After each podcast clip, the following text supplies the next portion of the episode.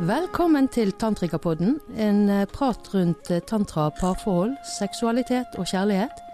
Et dypdykk inn i hvordan å bringe mer juice og sanselighet inn i parforholdet og i livet og i sexlivet. This is my heart. This is my home. Finally choosing to listen to my soul now. This is my heart. Vi kaller det en reise fra hodet til kroppen. Fra fast food til gourmet. Flott, Renate. Ja. Og vi som har denne podden, det er altså Renate Hetlevik Andersen og meg, Monica Josefine Gjelle. Og vi jobber på et sted som heter Ametysten i Bergen, og der jobber vi med tantra på forskjellige måter. Vi har tantrakvelder en gang i måneden der vi jobber med tantra i gruppe. Jeg jobber med tantrisk massasje, der jeg gir en, ja, en massasje som går litt, litt dypere, der vi jobber med kropp, nærhet, intimitet, berøring. Og Renate, du kan jo si litt hvordan du jobber med tantra, men du har jo også klienter som du tar imot. Ja, jeg jobber jo veldig mye med den indre prosessen. Med koblingene mellom kropp og sinn og syke og liv. Eh, det å gjenkjenne og forstå hva som egentlig foregår på innsiden, og hvordan å skape mer av det livet du vil. Enten det da er i parforhold, eller det gjelder jobb, eller sånne ting.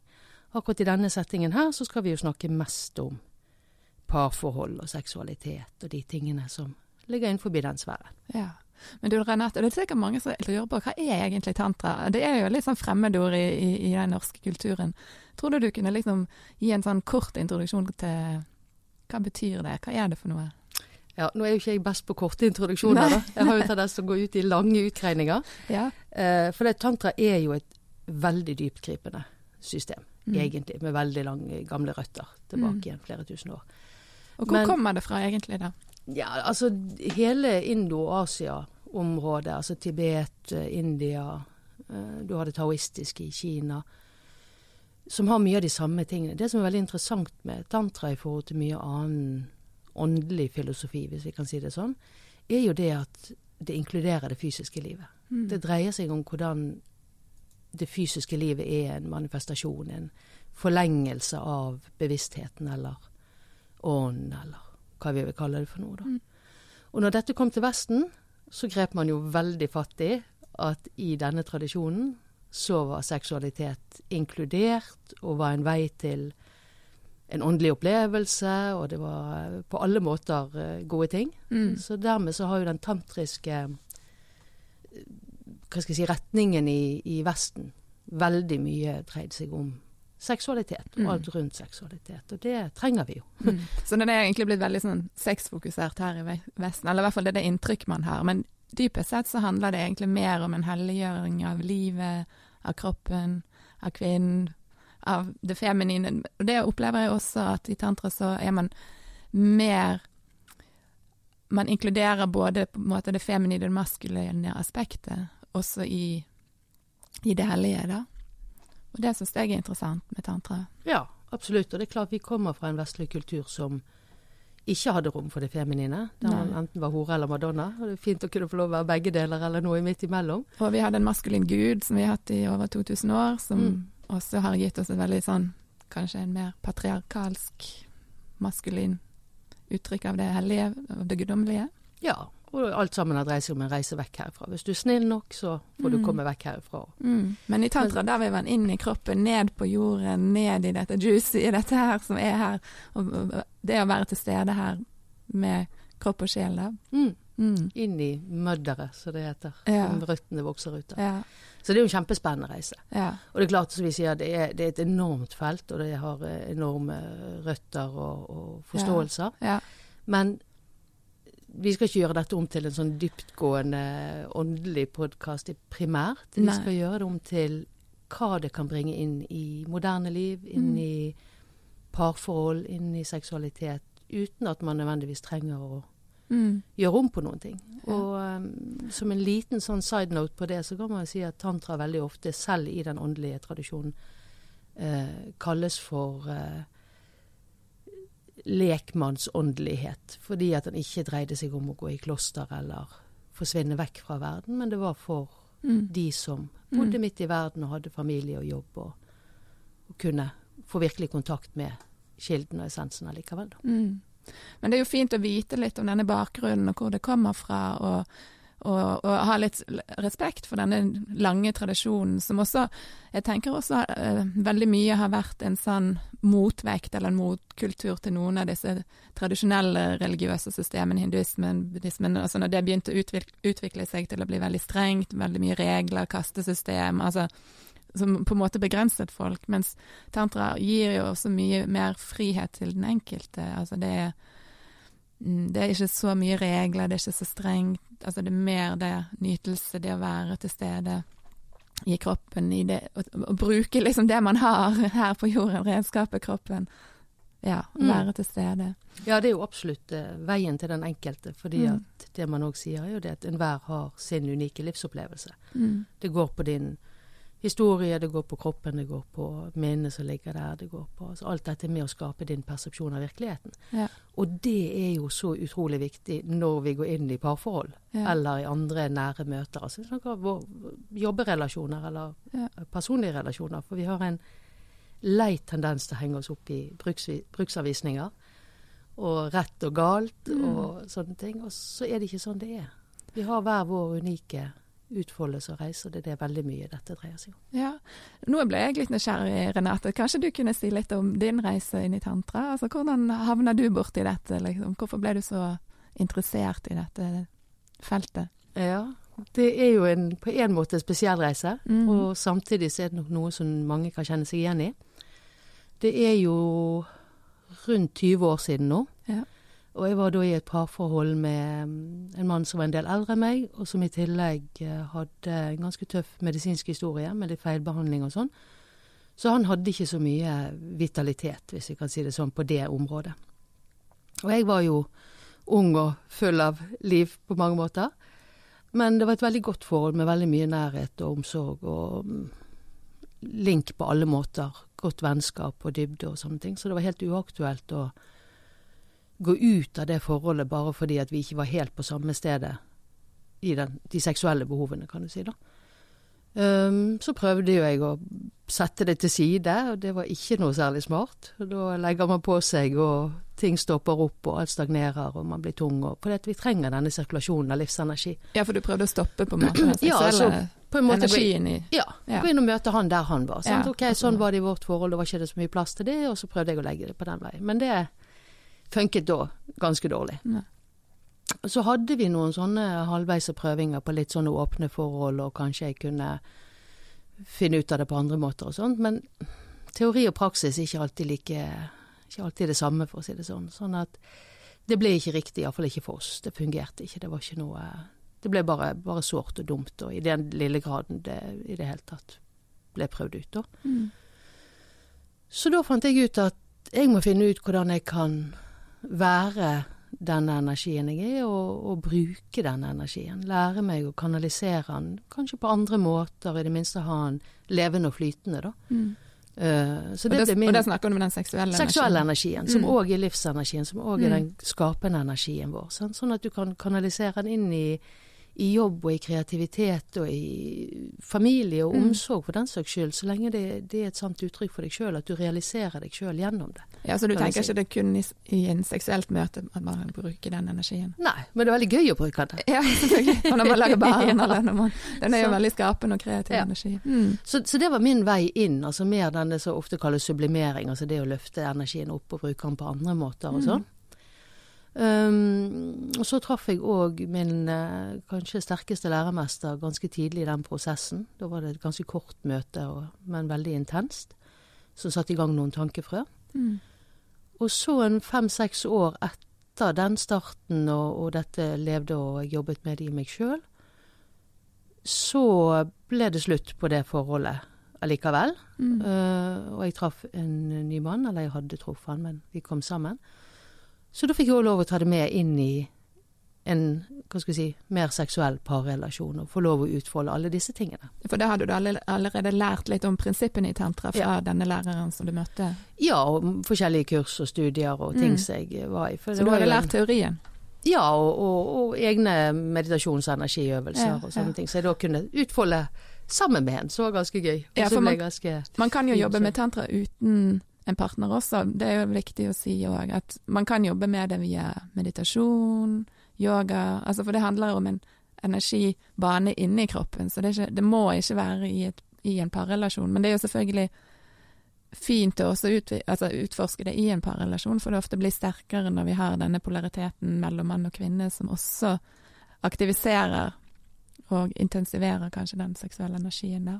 Absolutt. Mm. Og jeg pleier jo å si det at du kan jo med tantra enten du skal ha sex eller aldri ha sex i ditt liv igjen. Det, Ja, og det det, til livsenergi. Det var jo også, Man jobbet jo også med tantra i klostrene i Tibet, så det var ikke bare i en sånn familiesetting eller i en parrelasjon. Det var også en tradisjon der man jobbet med Man jobbet kanskje i 20 år i klostrene med å meditere og sublimere. Altså, når vi sier sublimere, så mener vi øke denne seksuelle energien i kroppen. Og så ble, ble man kanskje etter 20 år satt sammen med en av et annet kjønn. Og så gikk man da rett til himmels etterpå. så, det, så det er jo en tradisjon for det også, at man har jobbet med det uten partner. Da. Absolutt. Absolutt. Mm. Så um, Men Og det, det var jo min start Mm. på, på reisen der. Og så eh, Så fikk du utforske det litt Så fikk jeg utforske Ja, det i, da? Nei, det var virkelig stas.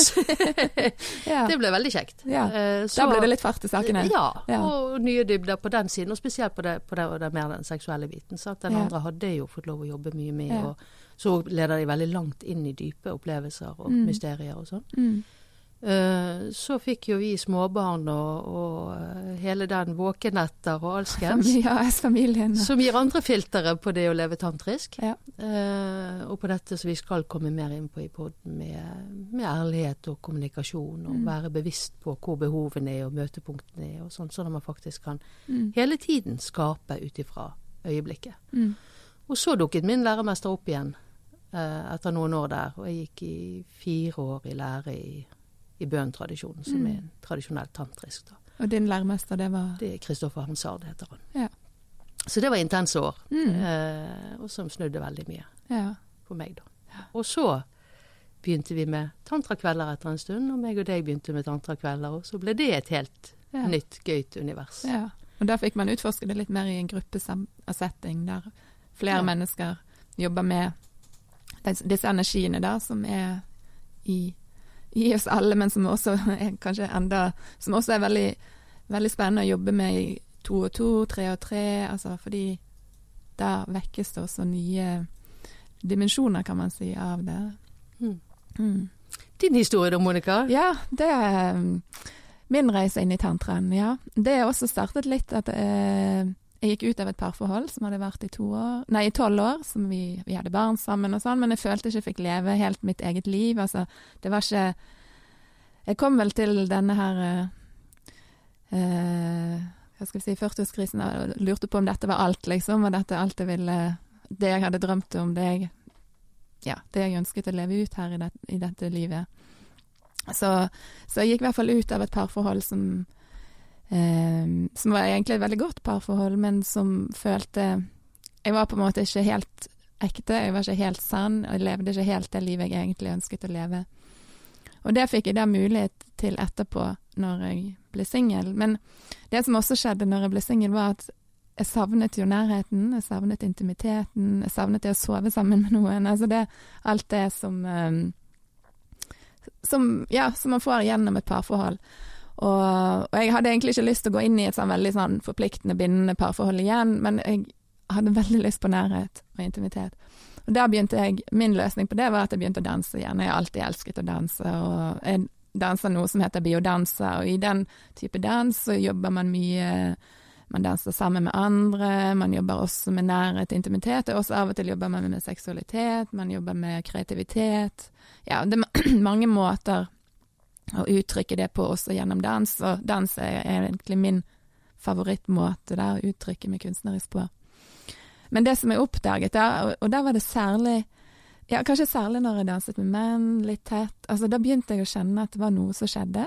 Det var akkurat som det ble en ganske intens energi som begynte å vekkes mellom meg og den partneren som jeg danset med. Og da danset vi, altså det var med full, med klær på, det var ingen sånn eh, Hva skal jeg si Det var ingen intimit, naken intimitet, men det var en intimitet som kom bare fordi vi var nær, og fordi energien begynte å jobbe mellom oss.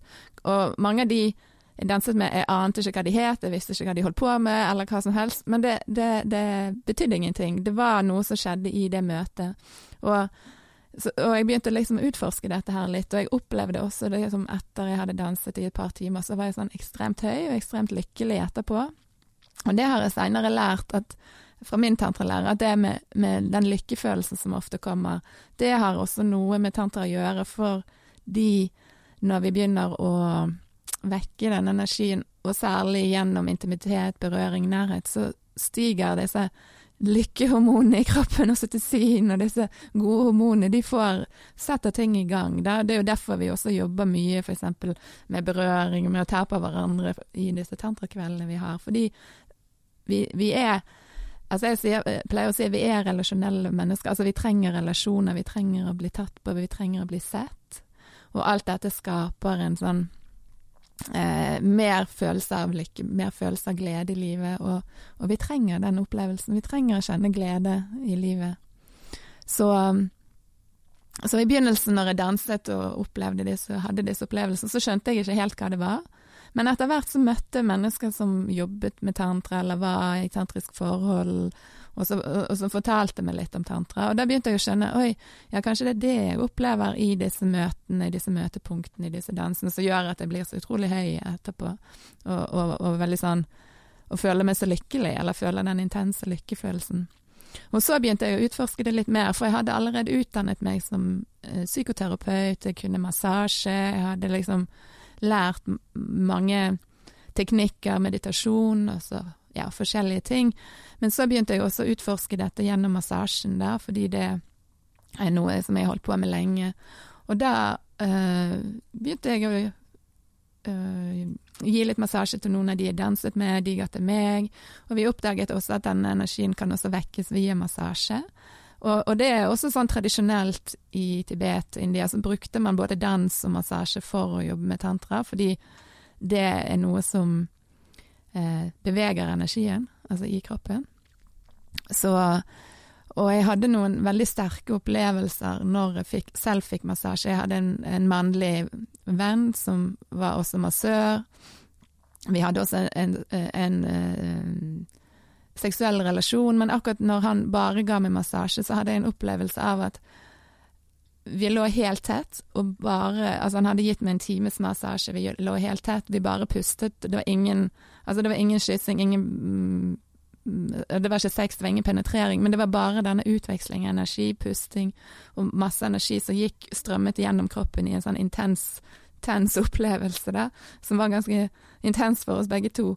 Og da, da begynte jeg å skjønne oi, dette her er sterkt, hva er det som skjer her, liksom? Og så husker jeg jeg gikk ut av det massasjerommet etterpå, og der sto det en, eh, en, en som jeg kjenner som sto på kjøkkenet, og så han sa 'Å, Monica, det stråler av deg', og så sier jeg 'ja, det, han er veldig god, han med søren', liksom. Da.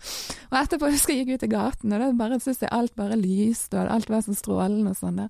Så der begynte jeg å skjønne kraften i denne energien der, altså at dette virkelig er noe som også kan forandre liv, det kan forandre um, innstillingen vår til verden, nesten. Fordi etter det òg, så var det akkurat som ting ble snudd litt ned opp på hodet, opp, opp ned i livet mitt òg. Mye av de liksom litt tunge tankene, eller sånn tunge tankene om meg sjøl forsvant. Altså jeg begynte å kjenne mer ja, mer glede, jeg ble mer positiv, jeg ble mer forholdt meg til meg sjøl på en annen måte, og menneskene rundt meg på en annen måte da. Så, så, jeg begynte å se hvor mye dette kan bety, og etter hvert så begynte jeg også å jobbe med massasje, massasje sjøl og gi tantrisk massasje til andre, fordi jeg, opplevde at dette var noe som var viktig å gi videre. At hvis jeg kunne oppleve det sånn, så må jo andre, andre kunne oppleve det sånn, og at de får mer glede, mer følelse av lykke i livet sitt, ikke blir så kritisk til seg selv. Og da etter hvert, når jeg begynte å jobbe med det, opp, så oppdaget jeg jo også at det er veldig mange mennesker som lever ganske alene. Selv om de er i parforhold, til og med, kan man oppleve å være alene. Altså ikke det at man ikke tar på hverandre, f.eks. i et parforhold, eller man har kanskje opplevd at partneren er, er falt fra, eller sykdom, eller Ja, det, det, er så mange historier der ute, og det gjorde veldig inntrykk på meg. For jeg, jeg tenker at det er nesten sånn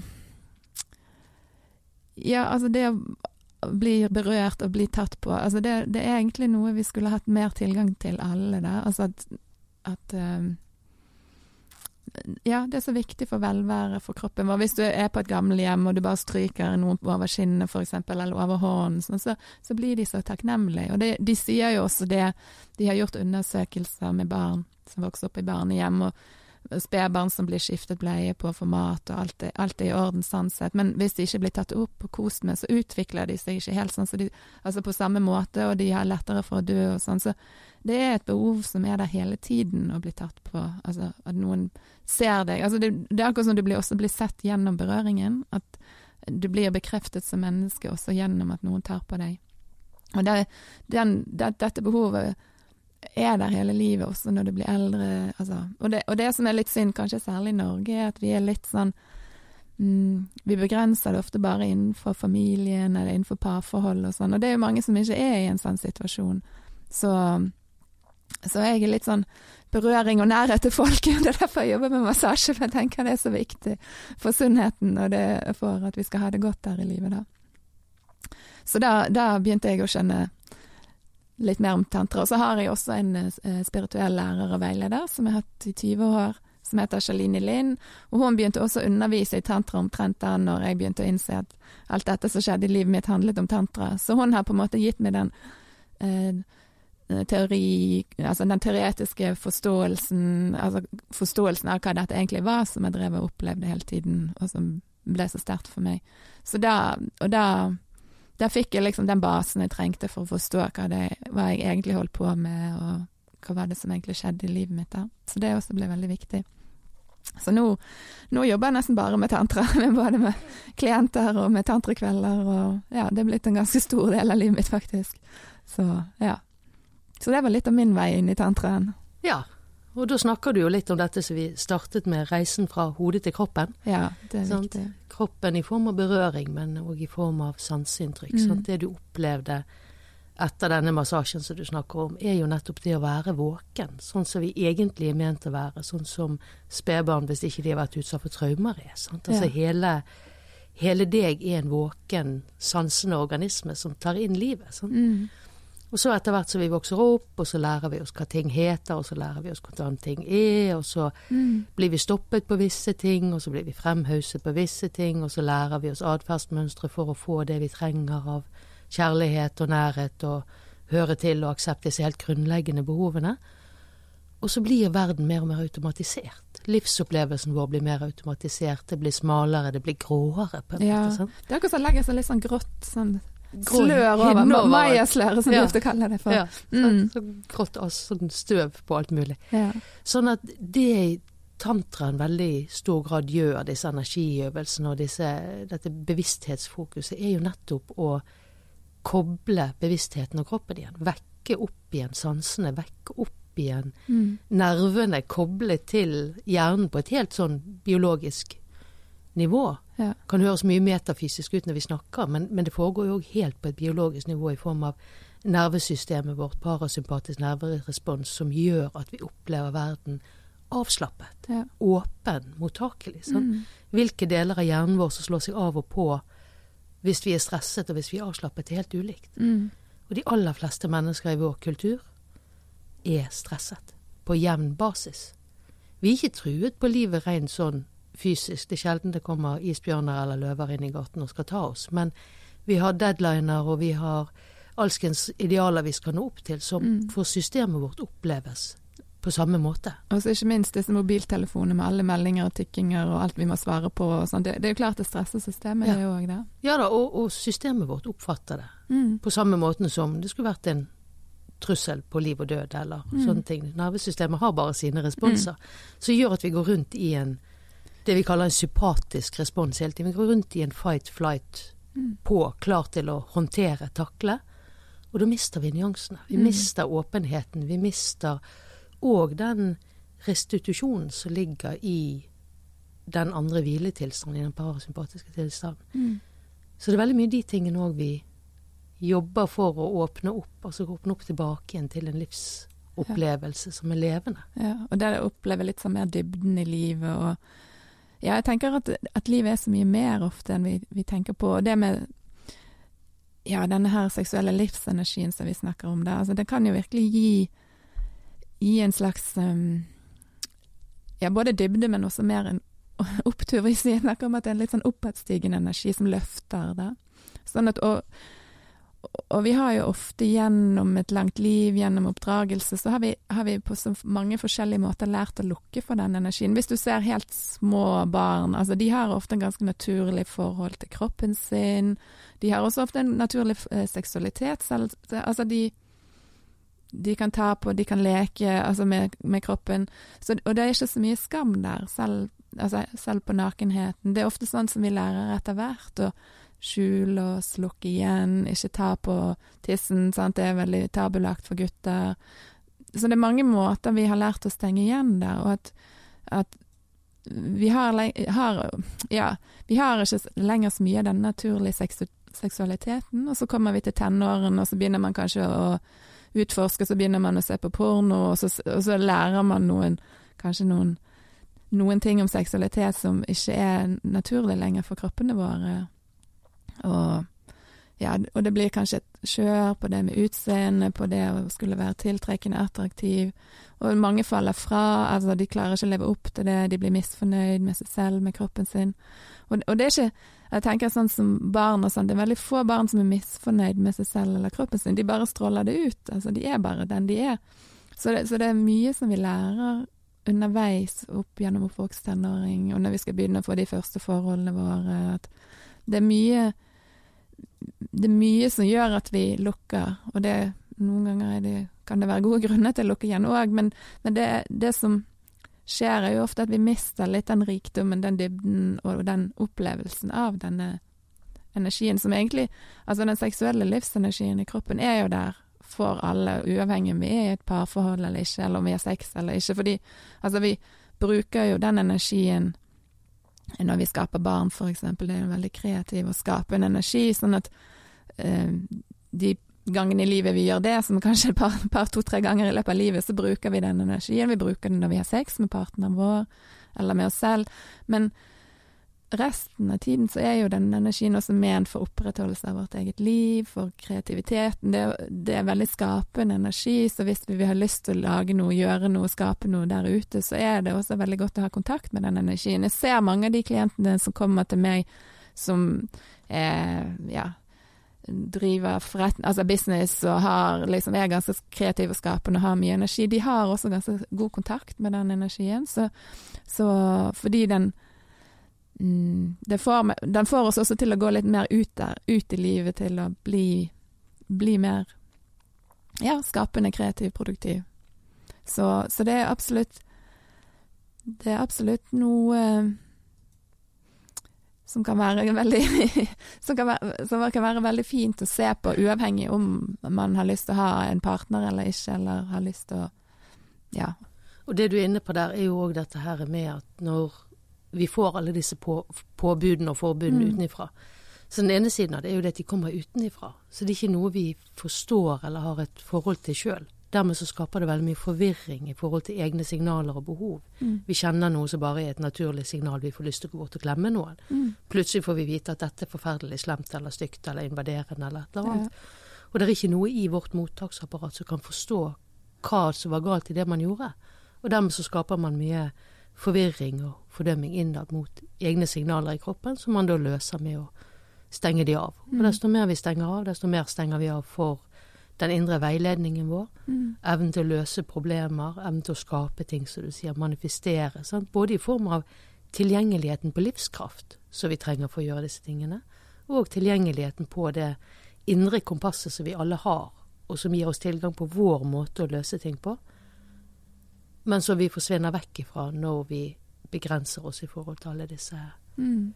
påbudene og forbudene. Da. Mm. Så tantraens reise er jo òg veldig mye en reise hjem til seg sjøl forbi disse stengslene, og vi møter de stengslene på veien. Mm. Og det er jo det som òg spiller seg ut i parforhold når vi får disse konfliktene og gjentagende ja. konfliktene. Sant? Så er det at vi stanger i hverandres storyer, og vi stanger i hverandres mønstre, og vi blir såret og fornærmet og føler oss ikke møtt og ikke sett. og sånne ting, selv gjerne av partnere som prøver å se oss, men de har andre måter å gjøre det på, andre mønstre. Og der syns jeg også tantraen er veldig fin, for i tantra så anerkjenner vi at menn og kvinner er forskjellige. Også i vårt norske sånn egalitære samfunn, der vil vi jo helst at alle skal være like, og vi har en tendens i Norge til at ja, altså kanskje kvinner blir litt mer maskuline, menn blir litt mer feminine. Altså man, man, prøver å gjøre seg selv så lik som mulig der, fordi det har vært et veldig sterkt ideal i vårt samfunn. Men i, men i tantra så er man opptatt av at den maskuline og den feminine er to, to poler. Altså det er to forskjellige poler som skaper Det er akkurat som et batteri. Hvis du har en pluss og en minuspol, så skapes det forbindelse, det skapes energi mellom disse polene. Så derfor er man også opptatt av i tantra at man skal få lov å være kvinne hvis man ønsker det, man skal få lov å være mann hvis man er det og ønsker Altså, man føler seg som mann. Sånn at vi skal ikke undertrykke Altså, i tantra undertrykker man heller ikke kjønnet sitt. Man, man på en måte utforsker, man fremhever eller er glad i kjønnet sitt også, den kroppen som er knyttet til det kjønnet man har. Altså, ja. Man, man lar forskjellighetene få lov å være der, fordi det også skaper en polaritet som gjør at energien virker mellom det er sånn at maskulin, feminin. Og, da, og det betyr også at, at um, Ja, hvis man tar seksualiteten der, for eksempel, så er mannens seksualitet ganske annerledes enn kvinnens seksualitet. I tantra sier man ofte at menn er som ild, mens kvinner er som vann. Det vil si at mann eksempel i et seksuelt møte som regel tenner ganske fort. Det er akkurat som ilden, så er du på. Han ser en naken kvinne, og så er han erigert. Han får tenning, han har lyst. Mens en kvinne er mer som i tantra sier mer at hun ofte er mer som vann, at det tar tid å koke opp vann, det tar tid å varme opp vann. Sånn at man tar hensyn til denne forskjelligheten mellom mann og kvinne. Kvinnen trenger forspill. Hun trenger å bli varmet opp, og det må også mannen ta hensyn til. Sånn at vi skal ikke prøve å være mest mulig like, vi skal liksom nesten Vi skal liksom nesten bli mer, mer av det vi er. Altså vi skal bli mer av kvinnen eller mer mann for å nettopp få denne polariteten til å virke mellom oss. Da. Og da skal vi heller ikke prøve å få den andre til å bli som oss. Fordi likhet um, blir litt mindre dynamisk. Altså forskjellighet skaper mer dynamikk mellom mellom mann og kvinne, men også mm, kollegaer, altså mm, ja, voksne barn. Altså i alle relasjoner, tror jeg, hvis vi blir for like, så blir det for lite dynamikk. Så, så vi er liksom glad i forskjellene i tantra også, og vi skal få lov å være forskjellige, være, ja, være det skjønnet vi er, da. Ja da. Likeverd, men ikke nødvendigvis likhet. Vi er ikke make. Men ja. det gjelder jo selvfølgelig òg mellom kvinner og mellom menn. Mm. Det er jo mm. ikke sånn at menn er på én måte og kvinner er på en måte. Alt er jo en glidende overgang, og vi har jo ja. det maskuline og det feminine, hvis vi skal bruke de begrepene, i oss. Ja. Sånn at man kan godt uh, være kvinne og ha mye maskulin energi, mye handlekraft, mye mm. fremadrettethet og sånne mm. ting. Og så lenge det er et naturlig uttrykk, så er det jo bare nydelig. Så er det jo bare akkurat den du er, og sånn du skal være, og det er jo der du kan virkelig øse av dine ressurser. Ja. Men når vi har hatt et samfunn som har vært veldig fokusert på det å skape, det å yte, det å gå på, altså skal ansette folk, så skal alle være ekstrovert, f.eks. Sånn. Mm. Så blir det noen idealer som så å si ingen mennesker når opp til. Og som Det ene er jo det at vi ikke når opp til det, det er jo ingen god opplevelse å hele tiden falle til kort, for å si det sånn. Men andre siden er jo det at vi får ikke tappet inn i de ressursene som faktisk ligger der. Sånn, sånn at hvis folk virkelig menn, kvinner, hetero og homofile forhold, hva slags dynamikk der er, kan gå inn i sin form, sitt unike uttrykk, og leke med akkurat den mengden av det ene og det andre som er der. Og gjerne òg litt skiftevis på dagsformen. Noen ganger er vi mm. mer i et behov for å være mer mm. mottakelig, mer hvile, mer passiv, mer stille gjerne. Andre ganger så er vi klare til å erobre verden, sant? uansett om vi er del av det andre kjønnet. Mm. Så det å virkelig gå inn i disse dybdene og dynamikken og, og, og leke med de, um, er jo fantastisk gøy. Da. Ja. Og der, og der, må jeg bare innskyte òg at, at, tantra fungerer jo også i, i, parforhold der det er to av samme kjønn. Om det er to menn eller to kvinner, så, så kan man også jobbe med tantra selv om man selv om man er samme kjønn. Ofte polariserer man seg også litt i, i, den type forhold at den ene parten går mer inn i sin maskuline side, den andre går mer inn i sin feminine side. Sånn som regel får man en polaritet der også. Sånn at Eh, Tantra utelukker absolutt ikke eh, parforhold av samme, samme kjønn, da. Mm. Så trenger ikke det være stereotypt. Altså, det betyr jo ikke det at fordi man har maskulin energi, at man nødvendigvis ser ut som Nei, nei. en mann. Eh, Jeg kjenner jo et par på utsiden veldig feminine damer, veldig etter idealet, Mm. som er noen rå man- manifesterere, og som kunne blåst av banen noen og enhver. Sånn. Ja. Så, så det har ikke så mye med det å gjøre, men det har mer med å gjenkjenne de kvalitetene, og å bevisst kunne leke med dem. Mm. Og så er det jo noe med ja, sånn som du sier, vi har begge deler i oss. Så, så det er jo også noe med å bli kjent med det, utforske det, leke litt med det når jeg i min feminine side, når jeg er min maskuline side. Hvis jeg er min feminine side, hva skjer da med partneren min? Hvis jeg er min maskuline side, hva skjer da med partneren min? Altså sånn, man kan, man kan spille litt på det, leke litt med det, og bare forstå at det finnes At vi har alt i oss, da. Og vi trenger det kanskje i forskjellige faser, i forskjellige eh, situasjoner. Trenger vi mer enn handlekraft i maskuline siden? I den andre trenger vi mer den myke feminine. Og det er også noe jeg tenker òg at, ja, sånn som du sier, i vår vestlige verden så har man lagt veldig mye vekt på kanskje mer hva skal vi si, maskuline aspekter som handlekraft, det å være aktiv, ut, utadvendt der ute. Men jeg tenker jo også at sånn, den tilstanden som jorden er i nå, så trenger vi også mer det som går på det man kan kalle feminine verdier, som går på ivaretagelse, fellesskap, nære jorden, altså moder jord, som også er veldig sånn feminin energi. Vi trenger å ivareta jorden vår, vi trenger å ivareta menneskene, vi trenger å ha omsorg for hverandre, vise omsorg. Ikke bare at vi skal ha enere og vinnere. Sånn at jeg tror også det med at den feminine energien, altså kollektivt, at det er viktig at den blir mer anerkjent, får mer plass, for at vi skal klare å leve sammen, godt sammen på denne jorden også, da. Og vi ser det jo òg i helseproblematikk eller helsespørsmål. Vi har veldig mye utbrenthet og over, overanstrengelser på ulike måter. Spente muskler. eh, ja, mange, mange sånne av disse sykdommene eller tilstandene, ting som folk blir sykemeldt på, er jo rett og slett at man bare har vært på. Og bare skapende og bare gå. Sant? Mens dette med det nærende aspektet, det å ta imot, det å kunne la seg nære av liv, av relasjonene osv., har manglet. Det har ikke hatt noe eh, verdi. Det har nesten vært om å gjøre å sove færrest mulig timer om natten og være mest mulig produktiv hele tiden. Og det skader oss. Ja. Det gir ikke nervesystemet, det gir ikke kroppen vår mulighet til å ta seg inn igjen, til å bygge seg opp. Og det er jo der tantra kommer også veldig fint inn med denne det med at man vektlegger så mye berøring, nærhet, intimitet, men også sånn skjønnhet og sanselighet. Altså, man, man nærer veldig mye kroppen sin gjennom sanseligheten og tar inn Altså for eksempel når du spiser, altså ta inn virkelig smakene i det du spiser, ta deg tid, skru av TV-en, altså bare vær til stede i det du gjør. Mye av det er jo også det vi legger vekt på i tantra, handler om det. Nettopp som du sier, være til stede. For det er jo, hvis vi tar- drar det tilbake igjen litt til parforhold, og gjerne òg til seksualitet eller sexliv, så har vi jo en tendens til å skulle kjøre samme rutinen eh, om igjen og om igjen. Og vi er ikke på samme sted. Det som var godt i går, er ikke nødvendigvis godt i dag. Den ene dagen er vi uthvilt, den andre dagen er vi sliten. En dag er vi lekende, en annen dag er vi myk og nær. Og det gjelder jo både menn og kvinner. Mm. Så nettopp det der å tappe inn i hva som er til stede i deg akkurat nå, Mm. og hva som er til stede i møtepunktet oss to imellom, er jo virkelig et sted som tantraen har veldig mye å by på. Ja, og det er jo ikke ta hverandre for gitt, men se at ting forandrer seg fra dag til dag, at vi ikke er den samme hele tiden.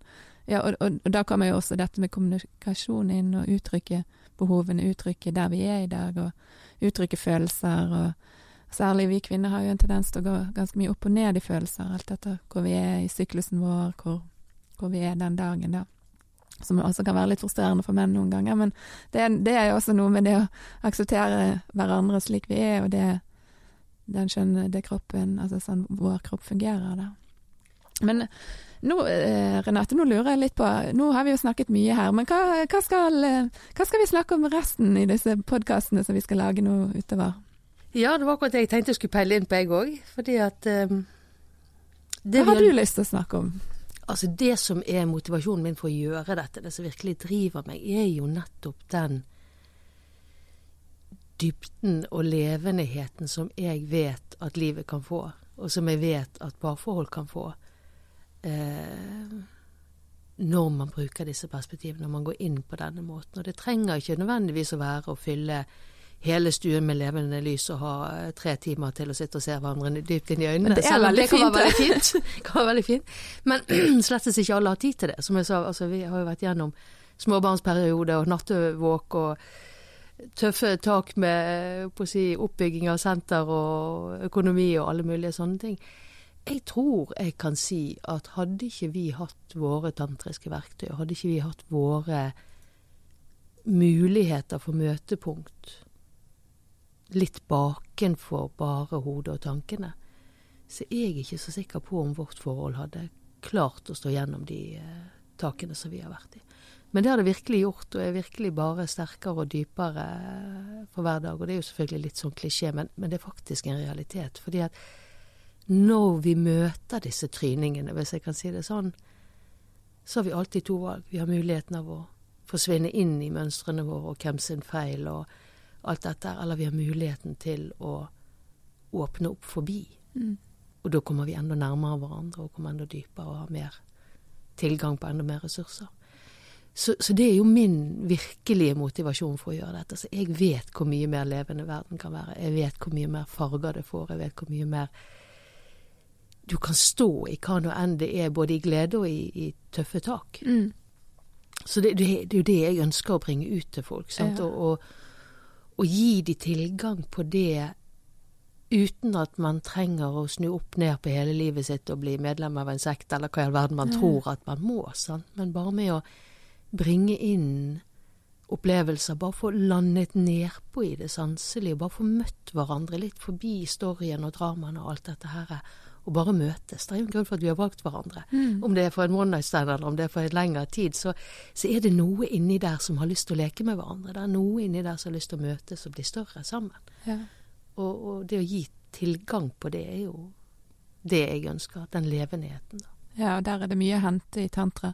Og jeg tenker jo også at eh, eh, Jeg ønsker jo også at vi skal være litt sånn motvekt kanskje til eh, hva skal jeg si, den litt sånn skakkskjørte seksualiteten i samfunnet. Kanskje det liksom dratt mye av pornoen der det er hardt og fort og, fort og gale, hva skal jeg si. Ikke, og der man ikke tar så veldig hensyn til kroppene, f.eks. kvinnekroppen er ikke skapt nødvendigvis til så hard, så rask sex så mye av det vi ser der ute. Dette voldsomme presset på utseende, kropp og sånn. Kanskje er det noe annet. Kanskje denne, eh, denne fine, vare seksuelle energien som kommer innenfra, er en annen måte å oppleve seg selv, kroppen, seksualiteten på, som kan være en liksom motkultur til kanskje det vi ser veldig mye i samfunnet i dag. Du ser gjennom russekulturen, eksempel, der det er ganske mye press på seksualitet veldig tidlig alder. Eh, der det går kanskje mye på å eh, ja, bruke sex for å komme med på russebussen, eksempel. Altså bruke det på en måte, men uten at man er helt i kontakt med sin egen kropp, sine egne behov, hva man egentlig har lyst med. Kanskje presses man til å gå mye lenger over grensene enn det man, man egentlig vil. Og vi har jo også og, så har vi hatt denne her som vi kaller for metoo-kampanjen, der det har også blitt kanskje skapt en litt sånn frykt for nærhet og ta på hverandre. Sånn at det er mye der ute vi har lyst til å snakke om. Det er mye å ta tak i, Ja, så vi har slett. ganske Og- mange temaer. Og, og det er jo bare som få har sagt det Så trenger jo ikke eh, tantrisk sex å være lyserosa og veldig stille og forsiktig. Altså, den kan jo absolutt være lidenskapelig og rå og ri kraftige bølger, men det dreier seg mer om det som vi sa i starten. Sant? Dette med fra fastfood til gourmet. Sant? At det ikke bare er kjappeste, korteste friksjonsveien til en eller annen noen sekunders utløsning bare for å få utladet nervesystemet Mm. men faktisk å åpne de dybdene som ligger der i seksualiteten og Mm. sexlivet. Og det er jo der jeg tenker en del av dette som du snakker om, med russekultur og den typen sex, at alt man går glipp av. De enorme dybdene og intensitetene man går glipp av når det bare er kjappeste ruten til utløsning av nervesystemet. Ja, sant. Og at kanskje veldig mange mennesker vet ikke om noe annet heller. Og det er der vi har liksom Det er der vi har lyst til å nå ut til folket med folkeopplysning her, Mm. Og så òg dette som du er inne på, at deler av det som foregår Altså når man overskrider grensene sine eller kjører for hardt på, mm. det gjelder både menn og kvinner, Uh, med denne friksjonsbaserte sexen, så skaper man faktisk en nummenhet i nervereseptorene som faktisk altså nedsetter følsomheten, og i noen tilfeller, spesielt hos kvinner, gjerne ender med at man mister litt kontakten med sexlysten. Man stenger litt av hele området fordi at det er blitt egentlig litt sånn krigssone. Ikke fordi at noen nødvendigvis har gjort noe galt, men fordi at man har overskredet grenser. Man har ikke vært i tråd med hva faktisk kroppen ønsker her. Mm. Og hva kroppen tåler av. Ja. Så dette er jo òg ting vi har lyst til å snakke om. Vi har lyst til å snakke om alt, vi. Ja, så dette blir jo spennende høst, Renate. Vi kommer til å snakke mye, vi. Ja. Mm. Og Både- hvis folk har spørsmål, så er det jo også bare å ta kontakt med oss på via nettsidene Ta eller Facebook-sidene våre. Og, ja. Og ja, bare ta og spørre. Og vi har jo òg disse her eh, tantrakveldene som kommer i gang igjen fra høsten, som det er mulig å være med på. og de er altså i Bergen. Er i Bergen, ja. Mm. Og så skal vi jo være med på Nytfestivalen Mm. når den kommer 13.9, så da er det òg en mulighet til Og- å Hva er det Nyttfestival, vil du si litt sånn kort hva det er for noe? Det er en festival for positiv seksualitet som startet i Oslo i fjor, Mm. og som i år kommer til Bergen òg, i tillegg til å være i Oslo. Så den, eh, den er ikke nødvendigvis tantrisk, men vi skal ha noen tantriske innslag sammen med hun som eh, startet festivalen. Og så skal det være mye om positiv seksualitet på ulike måter. Alt ifra tekniske og praktiske løsninger om man har utfordringer, til hvordan å skape en mer positiv seksualitet, til gjerne òg noe om barns naturlige seksualitet, som ikke skal misforstås til at de skal ha noen seksuelle handlinger med noen, men som faktisk har med denne sanseligheten som vi snakker om. Mm. Og det er jo tema vi også kommer til å snakke en del om, så utover høsten på de forskjellige podkastene vi kommer til å lage. Så da er det vel bare til å oppfordre folk til å holde, holde seg oppdatert, tune inn og høre på oss utover høsten. Yes. This is